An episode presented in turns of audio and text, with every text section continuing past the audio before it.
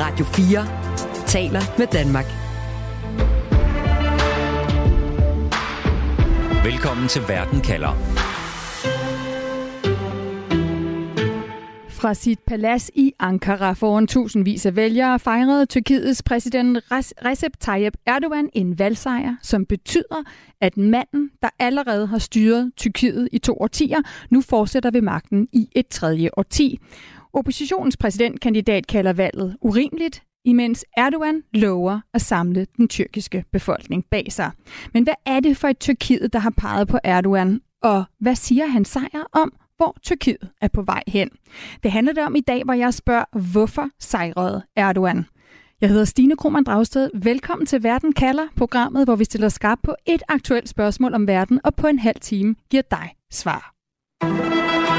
Du lytter til Radio 4. Fra sit palads foran tusindvis af vælgere kunne Tyrkiets præsident Erdogan altså fejre en valgsejr, som øh, betyder, at han fortsætter ved magten. Sådan her lød det. Kimse kaybetmemiştir.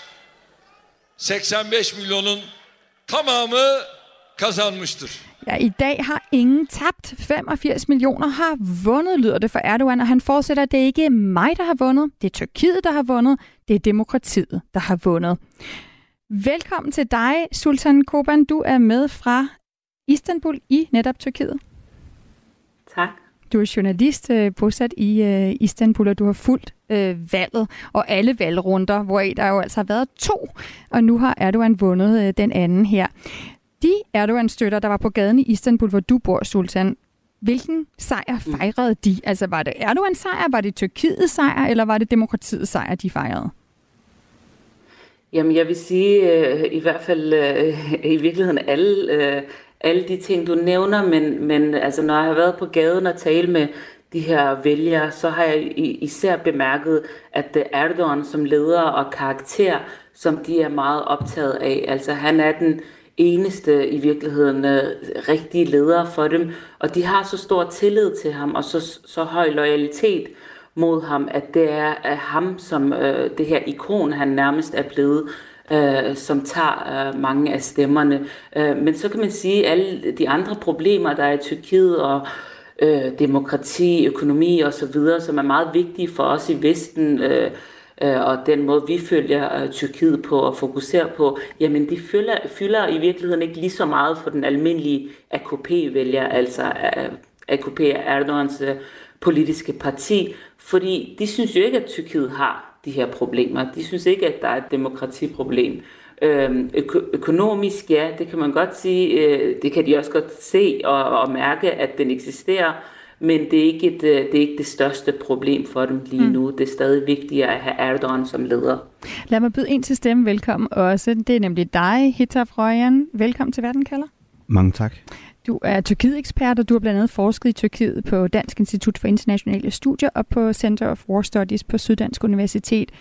Hitaf, det er jo netop et spørgsmål om demokratiet, som oppositionen gjorde det her valg til. Altså, at de vil øh, styrke demokratiet, et demokrati, som de synes er troet af en autoritær leder som Erdogan. Og Erdogans rival Kemal Kılıçdaroğlu holdt jo også en tale efter nederlaget, hvor han slår fast, det her valg, valg det var ikke fair. Hitaf, har han ret i det? Alt vi har set de sidste to uger øh, og har vist, at det, det har ikke været et færre valg. Øh, der er rigtig mange ting, øh, der, der er mange af de parametre, som man normalt dømmer eller vurderer frie og, og færre valg efter, som Tyrkiet ikke kan opfylde. En af dem, det er, øh, at det er svært at komme til stemmestederne. Det er svært for øh, mennesker i jordskælvsområderne efter, 4, efter 4. februar, 6. februar, at registrere sig. Der er en, en partileder, der er fængslet. Øh, Øh, og der er en masse andre, øh, hvad kan man sige, mediemæssige og medielovgivningsmæssige barriere for oppositionen i at nå sine potentielle vælgere. Så hvis du kigger på teorierne om frie og færre valg, øh, så har Kılıçdaroğlu ret i den påstand. Selvom valget ikke var færre, så tyder alt jo på, Hitta, at det var, det var frit. Altså vælgerne, der kunne komme frem til valgstederne, de kunne sætte et kryds der, hvor de ville. Øh, og der var ikke, så vidt vi ved, snyd med stemmeoptællingen.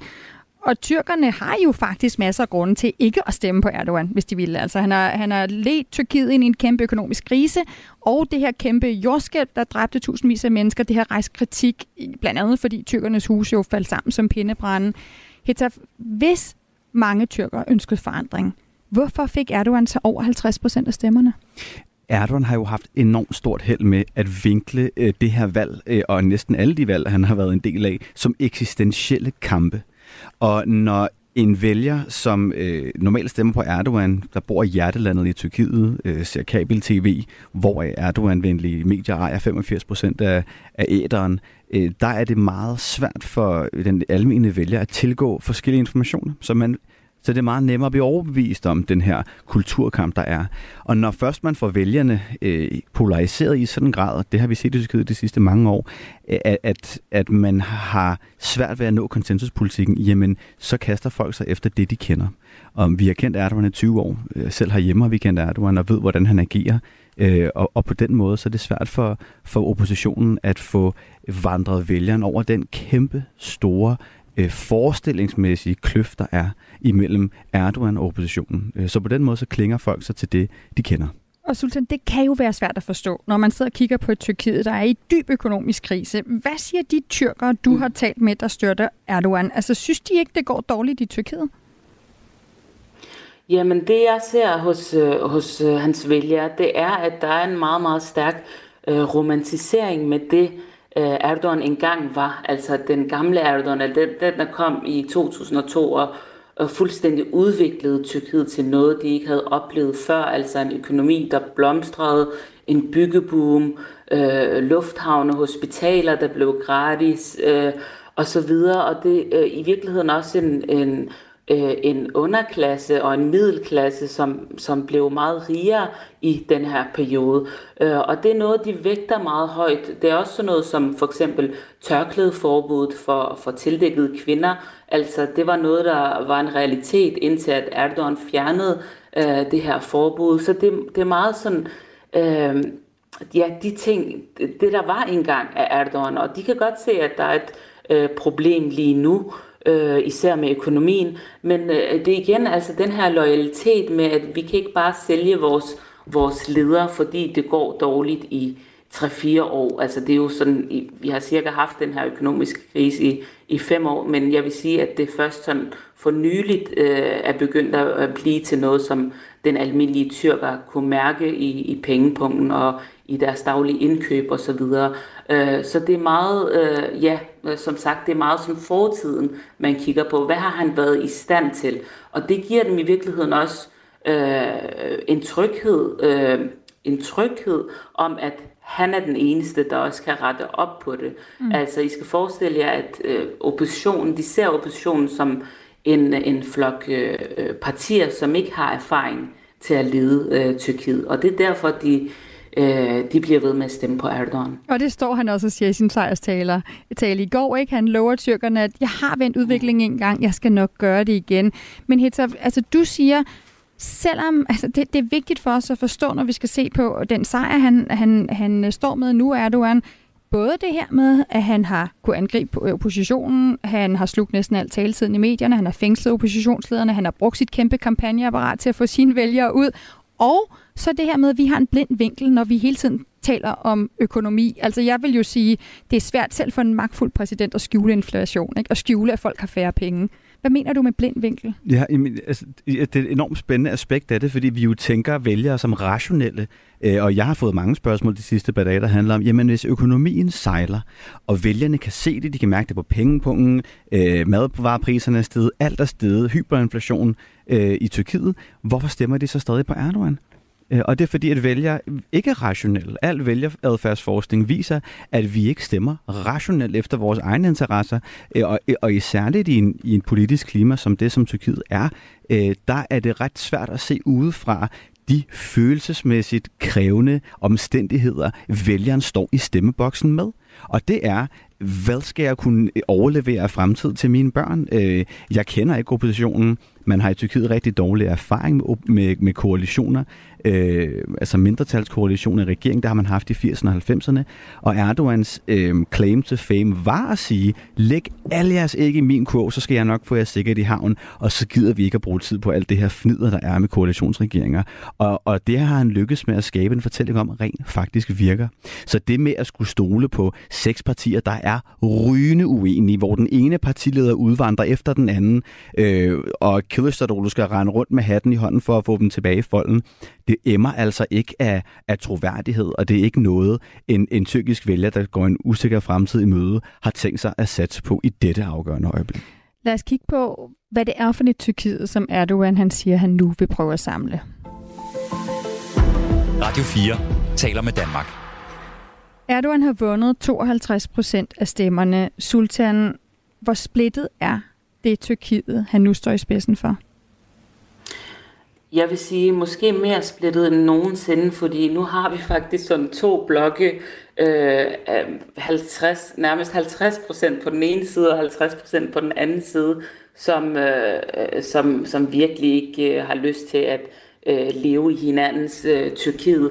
Øh, sådan kan man se det. Altså, jeg var faktisk en af dem, der sagde, at øh, under valgkampen i de her to uger, at øh, jamen, måske er, øh, især før første runde, altså måske er øh, Tyrkiet mindre polariseret nu, fordi vi rent faktisk så en opposition, som på et eller andet måde, altså med deres uenigheder, havde øh, sat sig på samme bord og ligesom øh, i hvert fald blevet enige om, at nu skal der ske noget nyt, og nu skal vi simpelthen af med den her leder, der har, der har haft øh, ene magt i, i 21 år.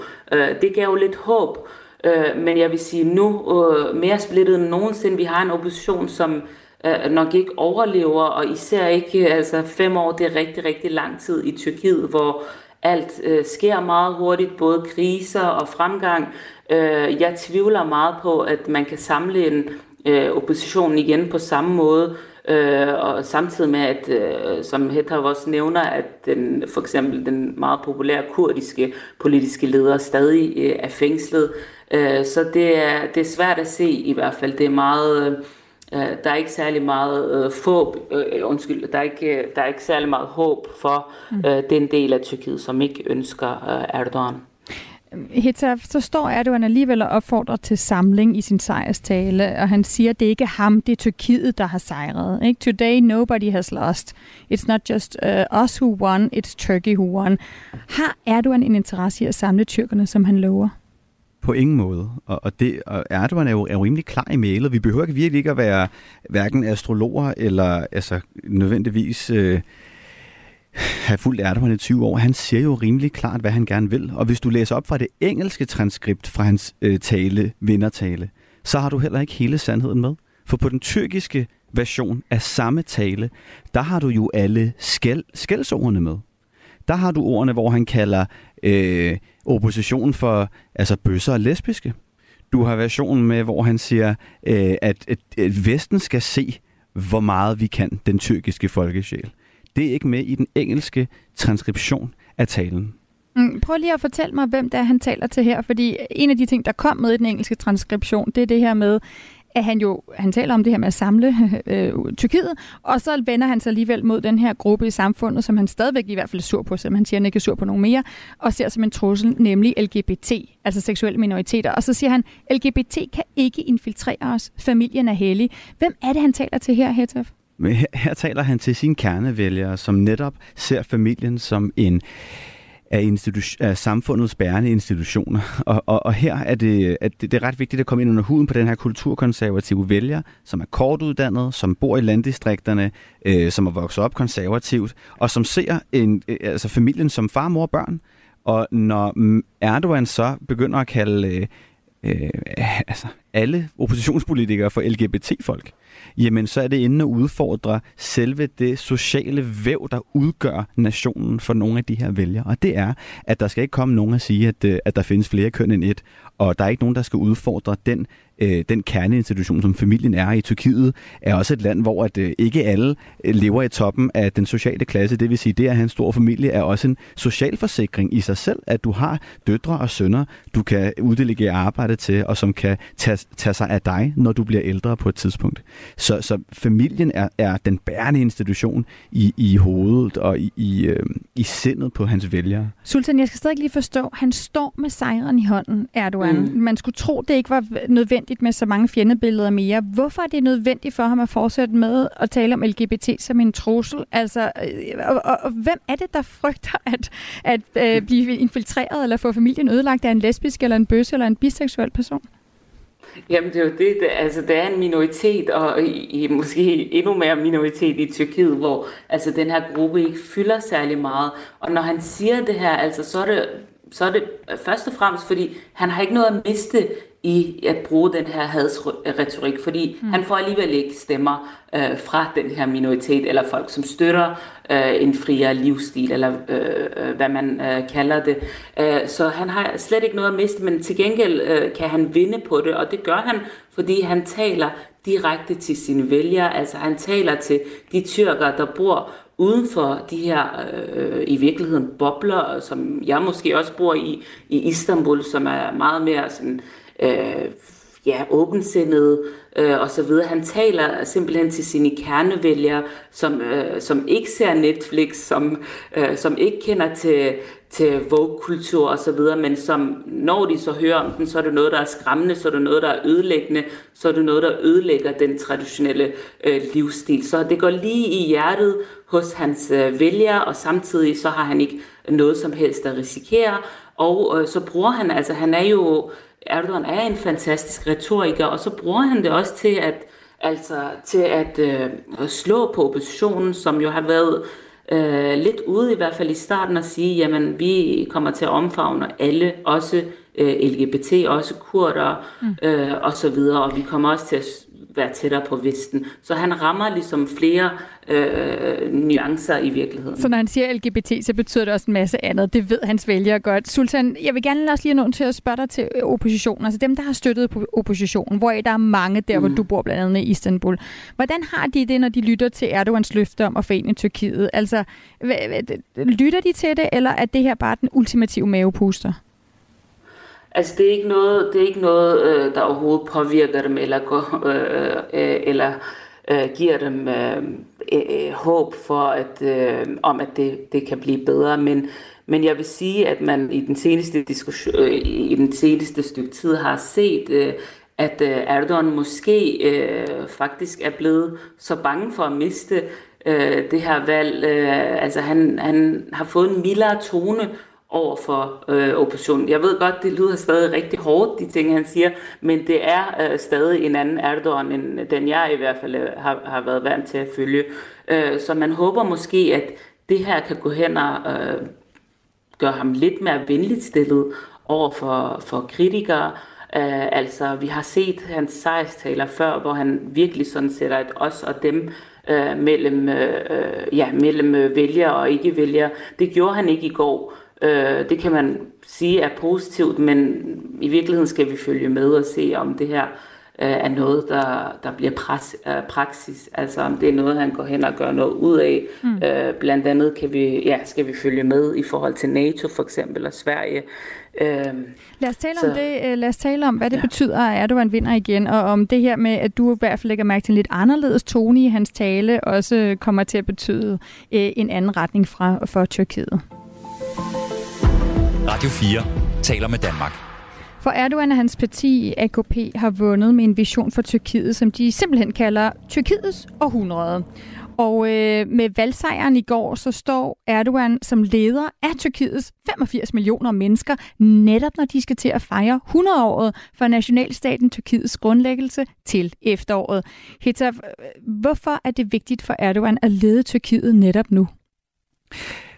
Som du ser oplægget, det er 100 år for, for Tyrkiets, øh, altså for republikens dannelse, og, og så er Erdogan og Mustafa Kemal, republikens grundlægger, enormt ens i deres menneskesyn. De er begge to sådan nogle top-down socialingeniører, ikke, som gerne vil implementere deres vision for samfundet fra toppen af nedad. Øh, og Mustafa Kemal gjorde det. Han øh, omdannede alfabetet fra osmanisk til latin og gjorde hele sit land 100% analfabeter fra, fra den ene dag til den anden, og, og prøvede virkelig at, at rykke ved den, den opfattelse, Vesten havde ved Tyrkiet, ved at lade sine borgere gå klædt mere i vestligt tøj. Altså folk skulle ikke gå i fes og andre øh, arabiske gevanter længere, fordi vi skulle ligne Europa, tænkte han. Og Erdogan har på præcis samme måde øh, en, en vision for Tyrkiet, Forskel mellem de to er, at Mustafa Kemal kom fra den politiske elite og styrede resten af Tyrkiet, og den store øh, muslimske og kulturkonservative majoritet ude i landdistrikterne blev kuget i den her sammenhæng.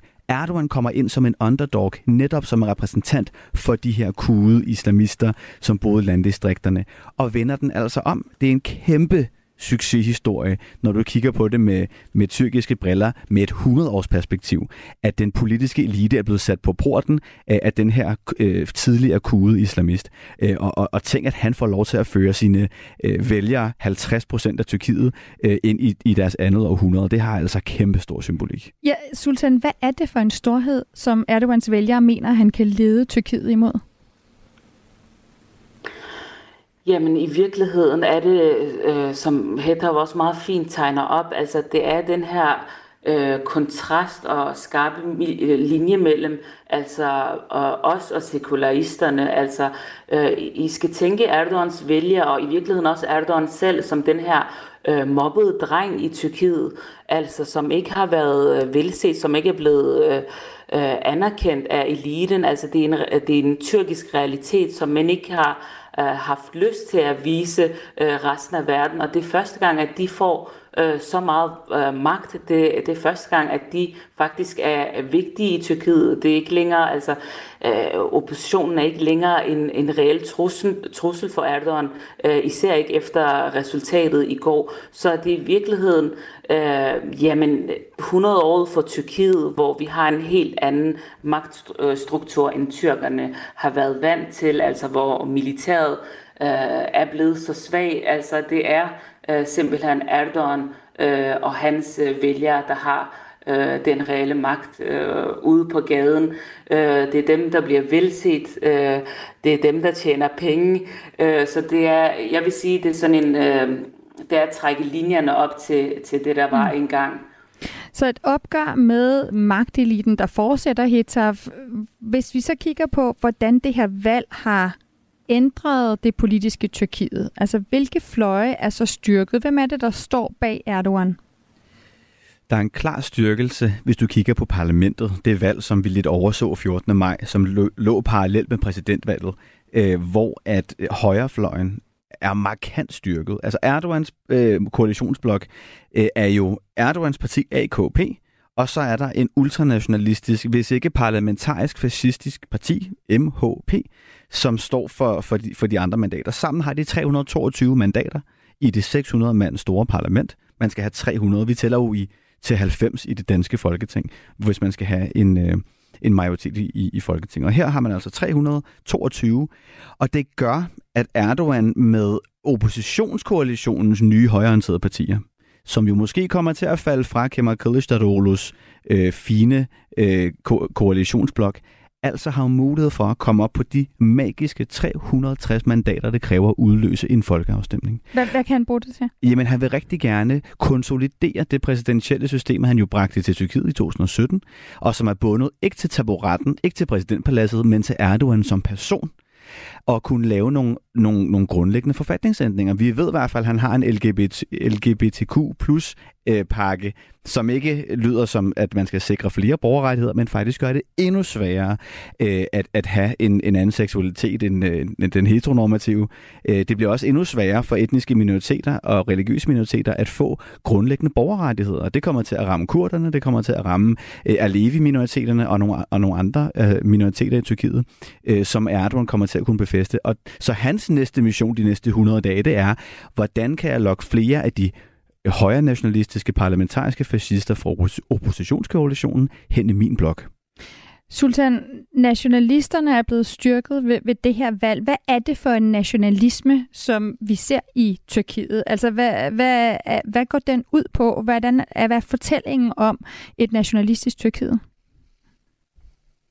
Det er der helt sikkert. Altså, først og fremmest tager den, tager den udgangspunkt i, i Tyrken, altså det her øh, etniske øh, som øh, nærmest som bliver beskrevet som øh, overmennesket øh, i Tyrkiet, og det har vi øh, den måde det er kommet til udtryk på, især i den her valgkamp, det er nærmest faktisk det eneste partiprogram, øh, de har haft ultranationalisterne, det har været, at alle flygtninge øh, skal ud af Tyrkiet, især syrere øh, syrer og, og at det er deres skyld, at det går så dårligt for Tyrkiet, den tyrkiske økonomi, at det er deres skyld, at kvinder bliver voldtaget osv., så, videre. så det er en meget, øh, ja, jeg vil kalde det for direkte racistiske øh, tone, de har haft øh, over for dem.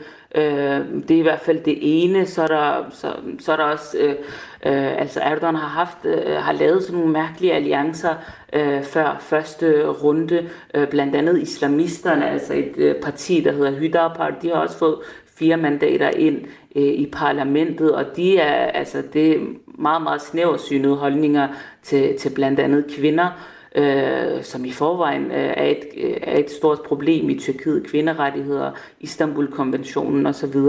Øh, så Sultan, bliver, bliver Erdogan, der, ja. bliver han sværere at bide skære med for os i Vesten?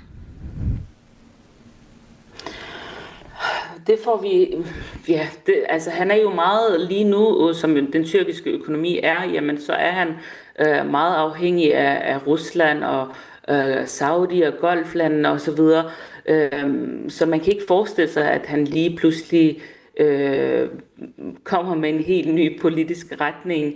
Øh, så det kan jeg ikke forestille mig, men, øh, men altså samtidig så er der også en økonomi, øh, der netop kan reddes, hvis man kan få, få en, et tættere forhold til Vesten, hvis man kan trække de her udenlandske investorer øh, tilbage igen.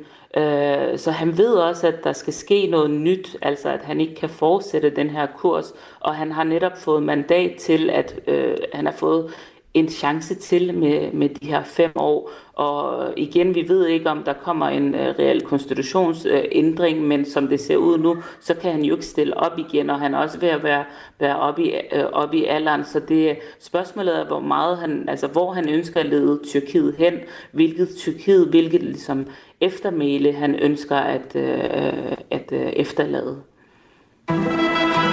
Du lytter til Radio 4. Og det her i Verden kalder er blevet tid til at få en konklusion på det spørgsmål, jeg stiller i dag. Hetaf, din konklusion. Hvorfor sejrede Erdogan? Fordi Tyrkiet er splittet øh, lige midten. Øh, lidt over halvdelen støtter Erdogan og har øh, og ånder i disse timer lettelsens suk, og den anden halvdel jamrer over fem år til i, i samme konstellation. Så fordi at nationen er splittet, det er Erdogans klassiske best case scenario, fordi han, han er en modvindspræsident øh, så Erdogan han sejrer, fordi nationen er splittet. Sultan, en modvindspræsident, siger Hitler. Hvad er dit svar på, hvorfor Erdogan sejrede? Øhm, jeg kan sige det sådan her, altså det er ikke kun øh, hvorfor Erdogan sejrede, men det er også fordi, at, øh, at der er et oppositionsproblem tydeligvis i Tyrkiet, og øh, Erdogan han kender spillet, han har gjort det før, han kan gøre det igen, øh, og det er den her øh, den her garanti, som han giver sine vælgere, og det er derfor, han stadig står så stærkt. Tusind tak for, for de svar på spørgsmålet og for analysen bag, altså Hitaf Røjan, Røjan Tyrkiet-ekspert. Tak for at, invitere mig. Og Sultan øh, Koban, journalist bosat i Istanbul. Tak. Og husk, at uh, uanset hvad der sker, så kan du få svar på et afgørende spørgsmål her i Verden kalder med mig, Stine Krohmann Dragsted. Det er mandag og torsdag, at jeg sender live. Først en halv time om en aktuel sag i Verden kalder, og så 30 minutters Verden kalder perspektiv. Husk, at du altid kan følge Verden kalder som podcast. Det gør du ved at trykke følg, når du har fundet Verden kalder podcasten, og det kan du for eksempel gøre lige i Radio 4's app, eller der, hvor du lytter til dine podcast. Vi har i dagens udsendelse brugt lydklip fra BBC. Du har lyttet til en podcast fra Radio 4. Find flere episoder i vores app, eller der, hvor du lytter til podcast. Radio 4 taler med Danmark.